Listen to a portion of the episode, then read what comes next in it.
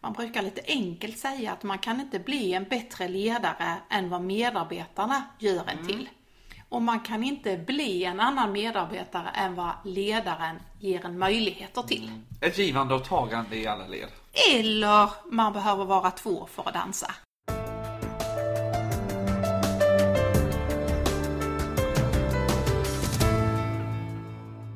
Välkommen till avsnitt 5 av Utmanarpodden alla lyssnare och även till dig Ingmarie som sitter här mitt framför mig. Tack så mycket Magnus! Då sitter vi här igen i huvudstaden och tänker och filosoferar över olika begrepp och trender och saker som berör oss i livet. Det är så vi träffas helt enkelt. Så kan man också säga. Jag har glömt att berätta en sak för dig Magnus. Jaha. Jag fick jättemycket funderingar omkring arbetsvetenskap. Kommer du ihåg att jag berättade det Ja, det som du avsnittet? hade läst. Ja, och det blev liksom mest fråga omkring det. Vad konstigt. Jaha. Här tyckte vi att vi var lite djupa med våra åtta punkter Ja. av dialog och så. Och så fick vi mest frågor om, om det här med vad innebär det att vara anställd? Vad innebär dagens arbetsliv? Ja. Kan du inte berätta mer? Eh, kan man se på det som vi just nu är i? Eller måste man låta det gå 10-15 år innan vi kan se Ja, spegel precis. Mm. och sådär? Så att jag tänkte väl att dagens eh, poddavsnitt kommer handla om medarbetarskap. Ah, det är ju ganska bra koppling ändå. Vi går ifrån liksom chefskapet in i medarbetarskapet. Det är jättebra. Men du, innan eh, medarbetare säger du då. Ja. Vad säger man egentligen om människor som är anställda? Har du funderat på det? Ja, eftersom jag har arbetat i bemanningsbranschen ett tag, både som konsultchef och med marknadsföring och sånt, så pratar man ju alltid om, okej, vad ska vi skriva i våra texter? Ja. Och då nämner man personal, nämner det som kom och jobba som konsult eller bli en medarbetare hos oss. Det finns hur många ord som helst egentligen. Men jag tror att vi har tagit medarbetare som liksom var ett huvudord för att det är de som ändå utför det, de tjänster som vi har. Och det du sätter ord på är nog en trend som har varit. Mm. Det fanns ju till och med en, en period när man kallade eh, de anställda för löntagare. Ja. Det fanns något som hette löntagarfonder som man pratade om. Och det Väldigt, säger, inte, väldigt 80-tal. ja, men det säger ju också lite om vilken syn man har. De bara tar lönen. Mm. Löntagar. eh, Liksom. Man har inte så, om man tittar på det ordet så har man ju inte allt för stor tillit till sina Nej. medarbetare. Nej, så det har varit nog eh, de där arbetarna eh, till eh, de anställda, till löntagare, till personal och nu är det nog rätt så vedertaget att man säger medarbetare. Men vi ska vara himla medvetna om att det är faktiskt bara i Skandinavien som man använder begreppet medarbetare och medarbetarskap. Eh, Det har varit mycket mer fokus på att en tydligare uppdelning chef och anställda Ja. än vad det är hos oss i Skandinavien. Som kan bli ett vi och dem, som vi pratade om förra veckan. Exakt. På tal om förra veckans avsnitt Ja. fick jag en annan liksom, återkoppling på den. Jaha. Vad var det då? Det var en kommunchef i Sverige, i Mölndal. Han heter Håkan. Okej. Eh, Det är en kommun där jag också har jobbat Ja. mm, för x antal år sedan. Och han kändes som klippt och skuren till ett poddavsnitt. Han sa nämligen så här att en kommunikativ organisation beskrivs där lyssnandet och dialogen är central. Mm-mm. Känner Vems- vi igen det här? vem har sagt det i Utmanarpodden? Och sen står det, vi måste lyssna mycket mer och jobba med medarbetarengagemang. Mm-mm, det gör vi idag. Och sen kom sista punkten. Och man måste lyssna aktivt. Ja, ja då. Två öron, en mun lärde vi oss förra gången också. Och ta hand om de olika signalerna som medarbetarna sänder för att göra det bästa möjliga. Och då var vi tillbaka till forskare Janna Nehes som sa exakt detsamma. Det var lite bekräftelse på att Utmanarpodden och eh, Kommunsverige går hand i hand. Ja.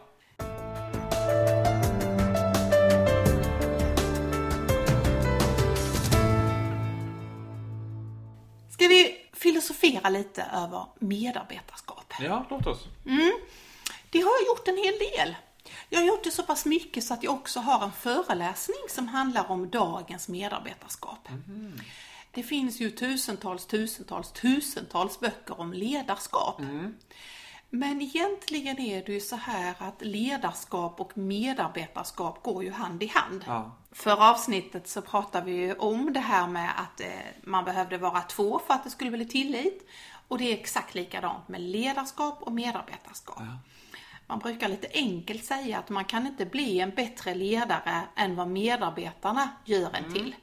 Och man kan inte bli en annan medarbetare än vad ledaren ger en möjligheter till. Ett givande och tagande i alla led. Eller man behöver vara två för att dansa. Ja. Nu om jag liksom ger en liten hint om eh, vad jag tänker omkring dagens medarbetarskap så kan man ju historiskt se att rätt enkelt har det gått ifrån att en chef är den som leder och fördelar arbetet till att man nu pratar om målstyrningen. Man har börjat lämna målstyrning, man pratar om den tillitsbaserade styrningen eller dialogstyrningen. Chefen har fått en helt annan roll. Jag tycker det är lite spännande att, precis som de alla frågorna vi fick från våra lyssnare, att man funderar på vad är det vi har tagit med oss ifrån olika årtionden? Ja. Så ska vi börja innan du var född.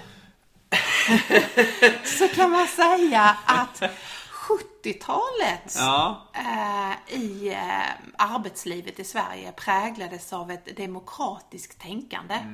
Eh, man pratade om arbetslivsutveckling, medbestämmande. Det finns ju en lag som heter medbestämmandelagen. Den kom på 70-talet. Ja, ja. Just därför att man tränade ett demokratiskt tänkande. Nu när jag berättar tillbaka 70-80-talet ska jag göra Ja. här, så gör jag det utifrån arbetslivet. Ja. Men man skulle också kunna göra det till exempel på svensk skola. Därför att jag gick på skol, i skola de här åren. Ja. Då var det likadant. Vi hade elevråd och klassråd och vi tränades att sitta ordförande och sekreterare. Och nu i efterhand kan jag tycka att det var rätt mycket pseudodemokrati. Vi tog inte så mycket beslut, men vi lärde oss formerna för demokrati. Till dess leda skulle jag vilja säga. Man hade grupparbete om allt. Ja, okej. Men det säger väl ganska mycket om själva tiden Exakt. i Sverige. Alltså den här, man skulle föra allting framåt tillsammans, ett vi. Ja, oerhört Ja. mycket. Och eh, en stor tro på att de folkvalda eller de som har blivit utsedda har ett stort ansvar. Så det var ett 70-tal med demokratiskt ledarskap, arbetslivsutveckling, medbestämmande. Sen hoppar vi till 80-talet. Ja. Då säger man att 80-talet präglades av en företagskultur. Man pratade om olika kulturer på företag. Man pratade om arbetsmotivation. Och man jobbade för att de anställda skulle känna engagemang men också vara lojala. Ja, Så man ja. använde det här att du får minsann vara en lojal medarbetare Ja. eh, kan man säga präglar lite 80-talet. Sen kom 90-talet. Då började jag ju vara chef. Som jag berättade så gjorde jag ju det tidigt. Då kom ju den där mannen som jag tänkte, det där är en fluga, det kommer inte att bli någonting av det. Men det hade jag ju fel. Janne Karlsson, SAS-chefen, som pratade om de platta organisationerna. Han skrev en bok, Riv pyramiderna. Eh, och det visade sig att eh, det satte sin prägel på det svenska arbetslivet. Man plattade till organisationerna, eh, cheferna försvann i antalet och man lät istället besluten komma nära där det skulle Ja, ja, verkställas. Riv pyramidernas platta organisationer. Det var också då som man lät cheferna komma längre ifrån verksamheten. Pratar vi ännu längre tillbaka så var det till exempel om du gick in på den där snickerifabriken som vi pratade om förra gången. Så fanns det en glasbur mitt inne i fabriken. Där förmannen, chefen, satt. Ja. Och kunde ha överblick med alltihopa. Nu kom cheferna längre ifrån på 90-talet. Man började prata om självstyrande grupper. Det fanns också förs eh, försök på att sätta, eh, göra lönepåslag utifrån ah, självstyrande grupper. Ja, ja, ja. Så det var inte Lisa och Pelle utan det var grupp A som fick mer än grupp B och så. Vilket inte skulle ha hänt på 70-talet. Absolut inte. Och som inte händer faktiskt nu, fast nu kanske det skulle finnas en bättre marknad för det än när det fanns när vi började på 90-talet. Så då kan vi lämna 1900-talet va? Ja. Mm. Så kommer vi in på 2000-talet. Då börjar cheferna bli mer delaktiga igen. Ja. Men i nya roller. Men nu pratar man om att ledarskapet behövs. Lite nytt då jämfört med vad det hade sagts Ja. innan. Men nu är det inte för att man ska säga du ska göra det och du ska göra det. Nej. Inte leda och fördela utan nu handlar det på något sätt om att upprätthålla kommunikation, eh, skapa ett lärande, länka samman olika arbetsgrupper. Eh, Så nu när 2000-talet rullar igång så pratar man om målstyrningen, någon måste visa på den bilden Ja. Och det blir chefens ansvar. Ja, ja, ja. Man visar liksom vägen Precis. till målet. Kommer vi sen in på 2000-talet? Nej, det var vi ju redan. 2010-talet, så heter det ja. Då kan man ju se att det blev ännu mer av det coachande förhållningssättet. Det blev ju benämningen över vad ska du göra som chef. Eh, Man kan se att, som jag sa på 70-talet, det demokratiska ledarskapet. Sen har det funnits en tid när man har pratat om det kommunikativa, kommunikativa ledarskapet. Eh, och sen var det det coachande ledarskapet. Ja. Mm. Och det är rätt roligt att se att vi har gått i såna här eh, det har rått olika sorters kulturer och vi har trott på olika sorts ideal. Ja, absolut. Mm. Och det går ju ganska fort mellan de här idealen ändå. Gör det! Och det är små händelser som gör att det börjar falla över. Ja. Eh, Så var det till exempel på det vi pratade om förra gången med den tillitsbaserade styrningen som vi nog kan säga är det vi håller på med just nu i många större organisationer. Det började och sen har det rullat på och nu säger man att eh, nu är det det som är inne.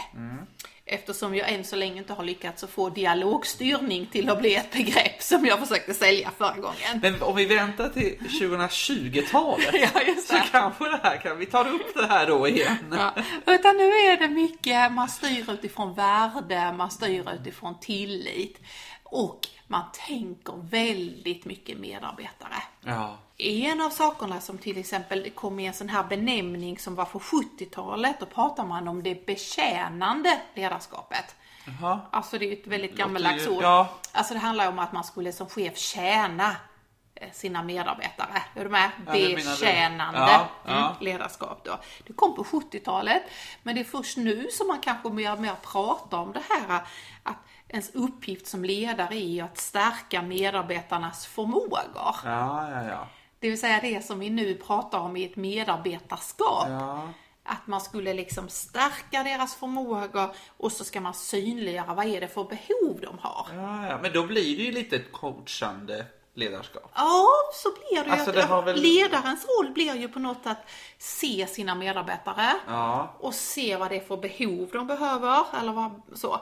Och förse dem med bästa möjliga resurser på något sätt för att klara det. Mm. Ja, ja, ja. Om vi går liksom lite bort ifrån arbetslivet och går mer in i sportvärlden. Jag har ju aldrig pratat så mycket hockey som när jag nu har poddat med dig. Hur kan vi liksom se det här i lagsporten? Det är ju jättemånga sådana här metaforer och bilder eh, omkring hur man ska lyckas med olika grupper i arbetsliv eller så. Så gör, gör man ju ofta kopplingen till lagsporter. Eh, Det kommer ny forskning nu från Stefan Tengblad som säger precis det här. Att de bästa idrottsledarna det är de som inte stirrar sig blinda på slutresultaten Ja. Utan titta på individerna i gruppen eller i laget. Jaha. Och fokusera på deras individuella utveckling. Ja. Därför att du måste ju höja hela laget. Och då måste du, du höjer inte laget, du måste höja individerna inne i laget. Okej. Visst är det spännande? Ja, verkligen.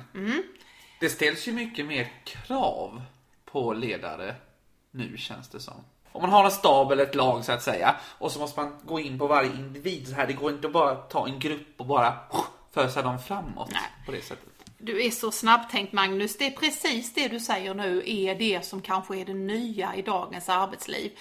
fast det inte är så nytt, det är att våra medarbetare, och ju yngre de är, desto mer har de behovet av att bli individuellt sedd, bli individuellt coachade, bli individuellt peppade och få dem till att prestera genom att man ser dem, bekräftar och lyfter dem. Ja. Och det innebär ju att det är en helt annat jobb att vara chef, ledare nu än det har varit förr.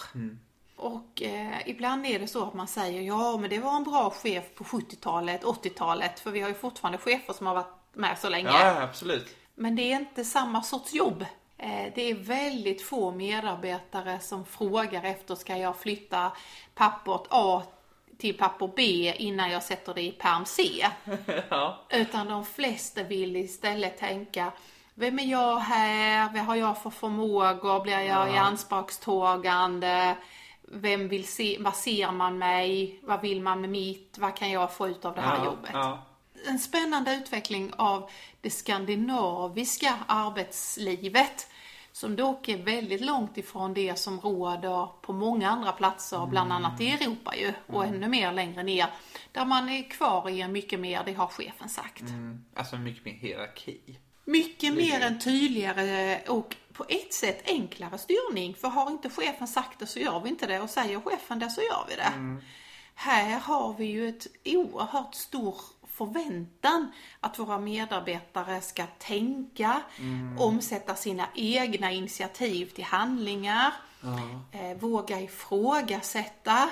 Även om man har sagt att man ska gå till höger och man ser att det är ett stup så Ja. förväntar man sig att medarbetare säger men jag tycker vi ska överväga en gång till om vi verkligen ska gå till höger. Ja. Vilket man inte hade gjort i andra eh, europeiska länder. Nej. Utan har chefen sagt, då går vi. Men hos det här, då här, det här skandinaviska sättet så kan vi också få medarbetare att utvecklas. Och vi kan ju få dem att faktiskt utmana sig själva då med saker som de kanske inte vet riktigt, okej, klarar jag av det här eller inte? Och därför är det ju helt rätt att ha en utmanarpodd. För det är ju mycket mer utmanande att vara ledare. Ja. Men det är också mycket mer utmanande att vara medarbetare. Därför att man förväntas att både ta ansvar, man förväntas att ta initiativ. Man förväntas på något sätt att bidra, även om det inte just står på det här lilla uppdraget att det ska Magnus göra. Så förväntas det att du tänker din del, du gör det i ett större sammanhang, du ser och du gör. Och man förväntar sig mer av sina egna, jag tänker som medarbetare, att man förväntar sig också samma sak från sina kollegor. Och det får man ju ifrågasätta, vad är det som gör att vi har så många som tycker att dagens arbetsliv är så tufft? Men helt sant är det så, det är höga förväntningar eh, på medarbetare, både från chef och från kollegor. Jag läste precis någon ny forskningsrapport som säger att framtidens framgångsrika organisationer, det kommer att vara de som är bäst på att utveckla sina medarbetare Ja. och ta ett samhällsansvar eller ett hållbarhetsperspektiv. Ja, ja, ja, ja. Tror jag stämmer. ja.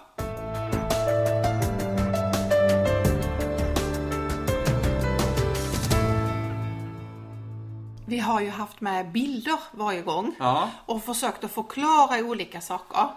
Eh, Förra gången försökte vi bara förklara med hjälp av åtta fingrar. Eh, Nu ska jag försöka att rita en bild som jag brukar ha när jag föreläser om dagens medarbetarskap. Ah.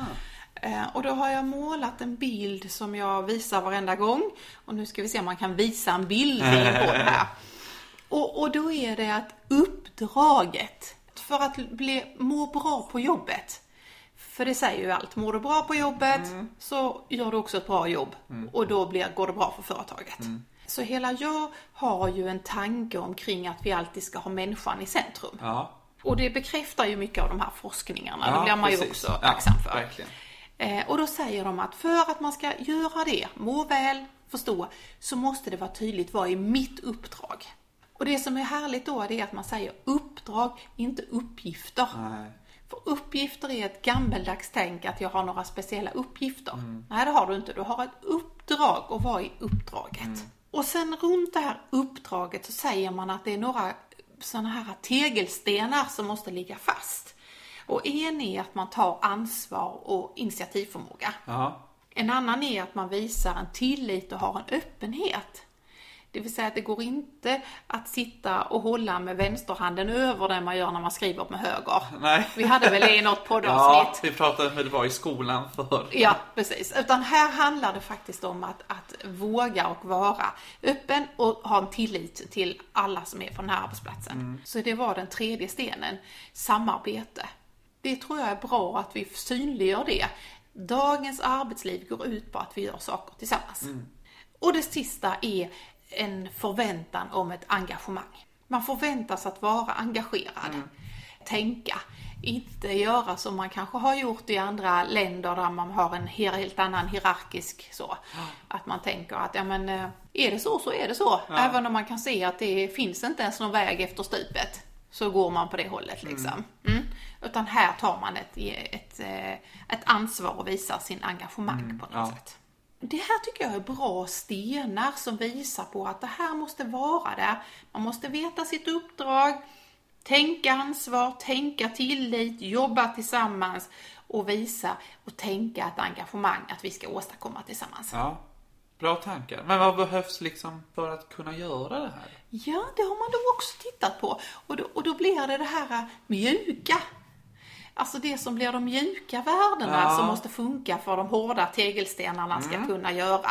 Om det så är att vi ska göra 2000 Volvobilar eller om vi ska få elever till att klara skolan eller du ska kunna sälja in ännu mer bemanning på ett företag. Så är det ju dialog. Ett genomgående tema kan man säga. Ja. Eh, sen är det på något sätt en, att man måste vara delaktig. Vad är det den här stora firman ska tillverka? Ja. Det vill säga vara delaktig i målen, visionerna, var är det vi ska? Det tredje så här som man säger, det här måste kitta ihop det.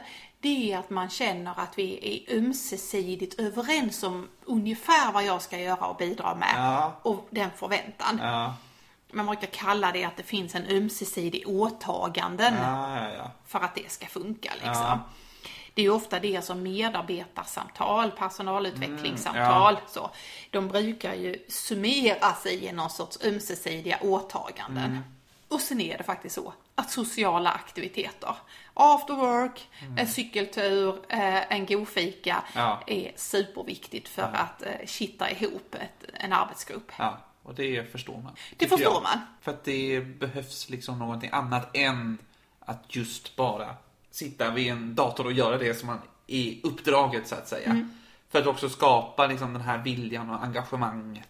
Så det, det var på något sätt dagens lärandepass omkring historiken av dagens medarbetarskap. Varför är vi där vi är? Eh, Jag är inte alls säker på att jag analyserar nuläget rätt, men det får vi ju se Ja. när vi har lämnat 2010-talet. Ja. Så får vi väl se var vi var någonstans egentligen. precis. Ja. Kan vi göra så här, Ingmar? Nu har ju du målat upp en bild. Mm. Men kan vi faktiskt göra så att vi tar den här bilden och lägger ut på dina sociala medier? Absolut, jag delar jättegärna med Ja. mig. Det var ju faktiskt det första jag sa. Jag har en podd för att jag vill dela med mig. Ja, precis. Och var hittar man då de här bilderna? Det är ju lättast att gå på min Facebook eller Instagram-sida. Men jag kommer också lägga det på LinkedIn som en del av ett dela med sig. På Rundvall Konsult på alla sociala medier. Ja, det glömde jag ju den lilla detaljen. Ja, bara så att vi har den.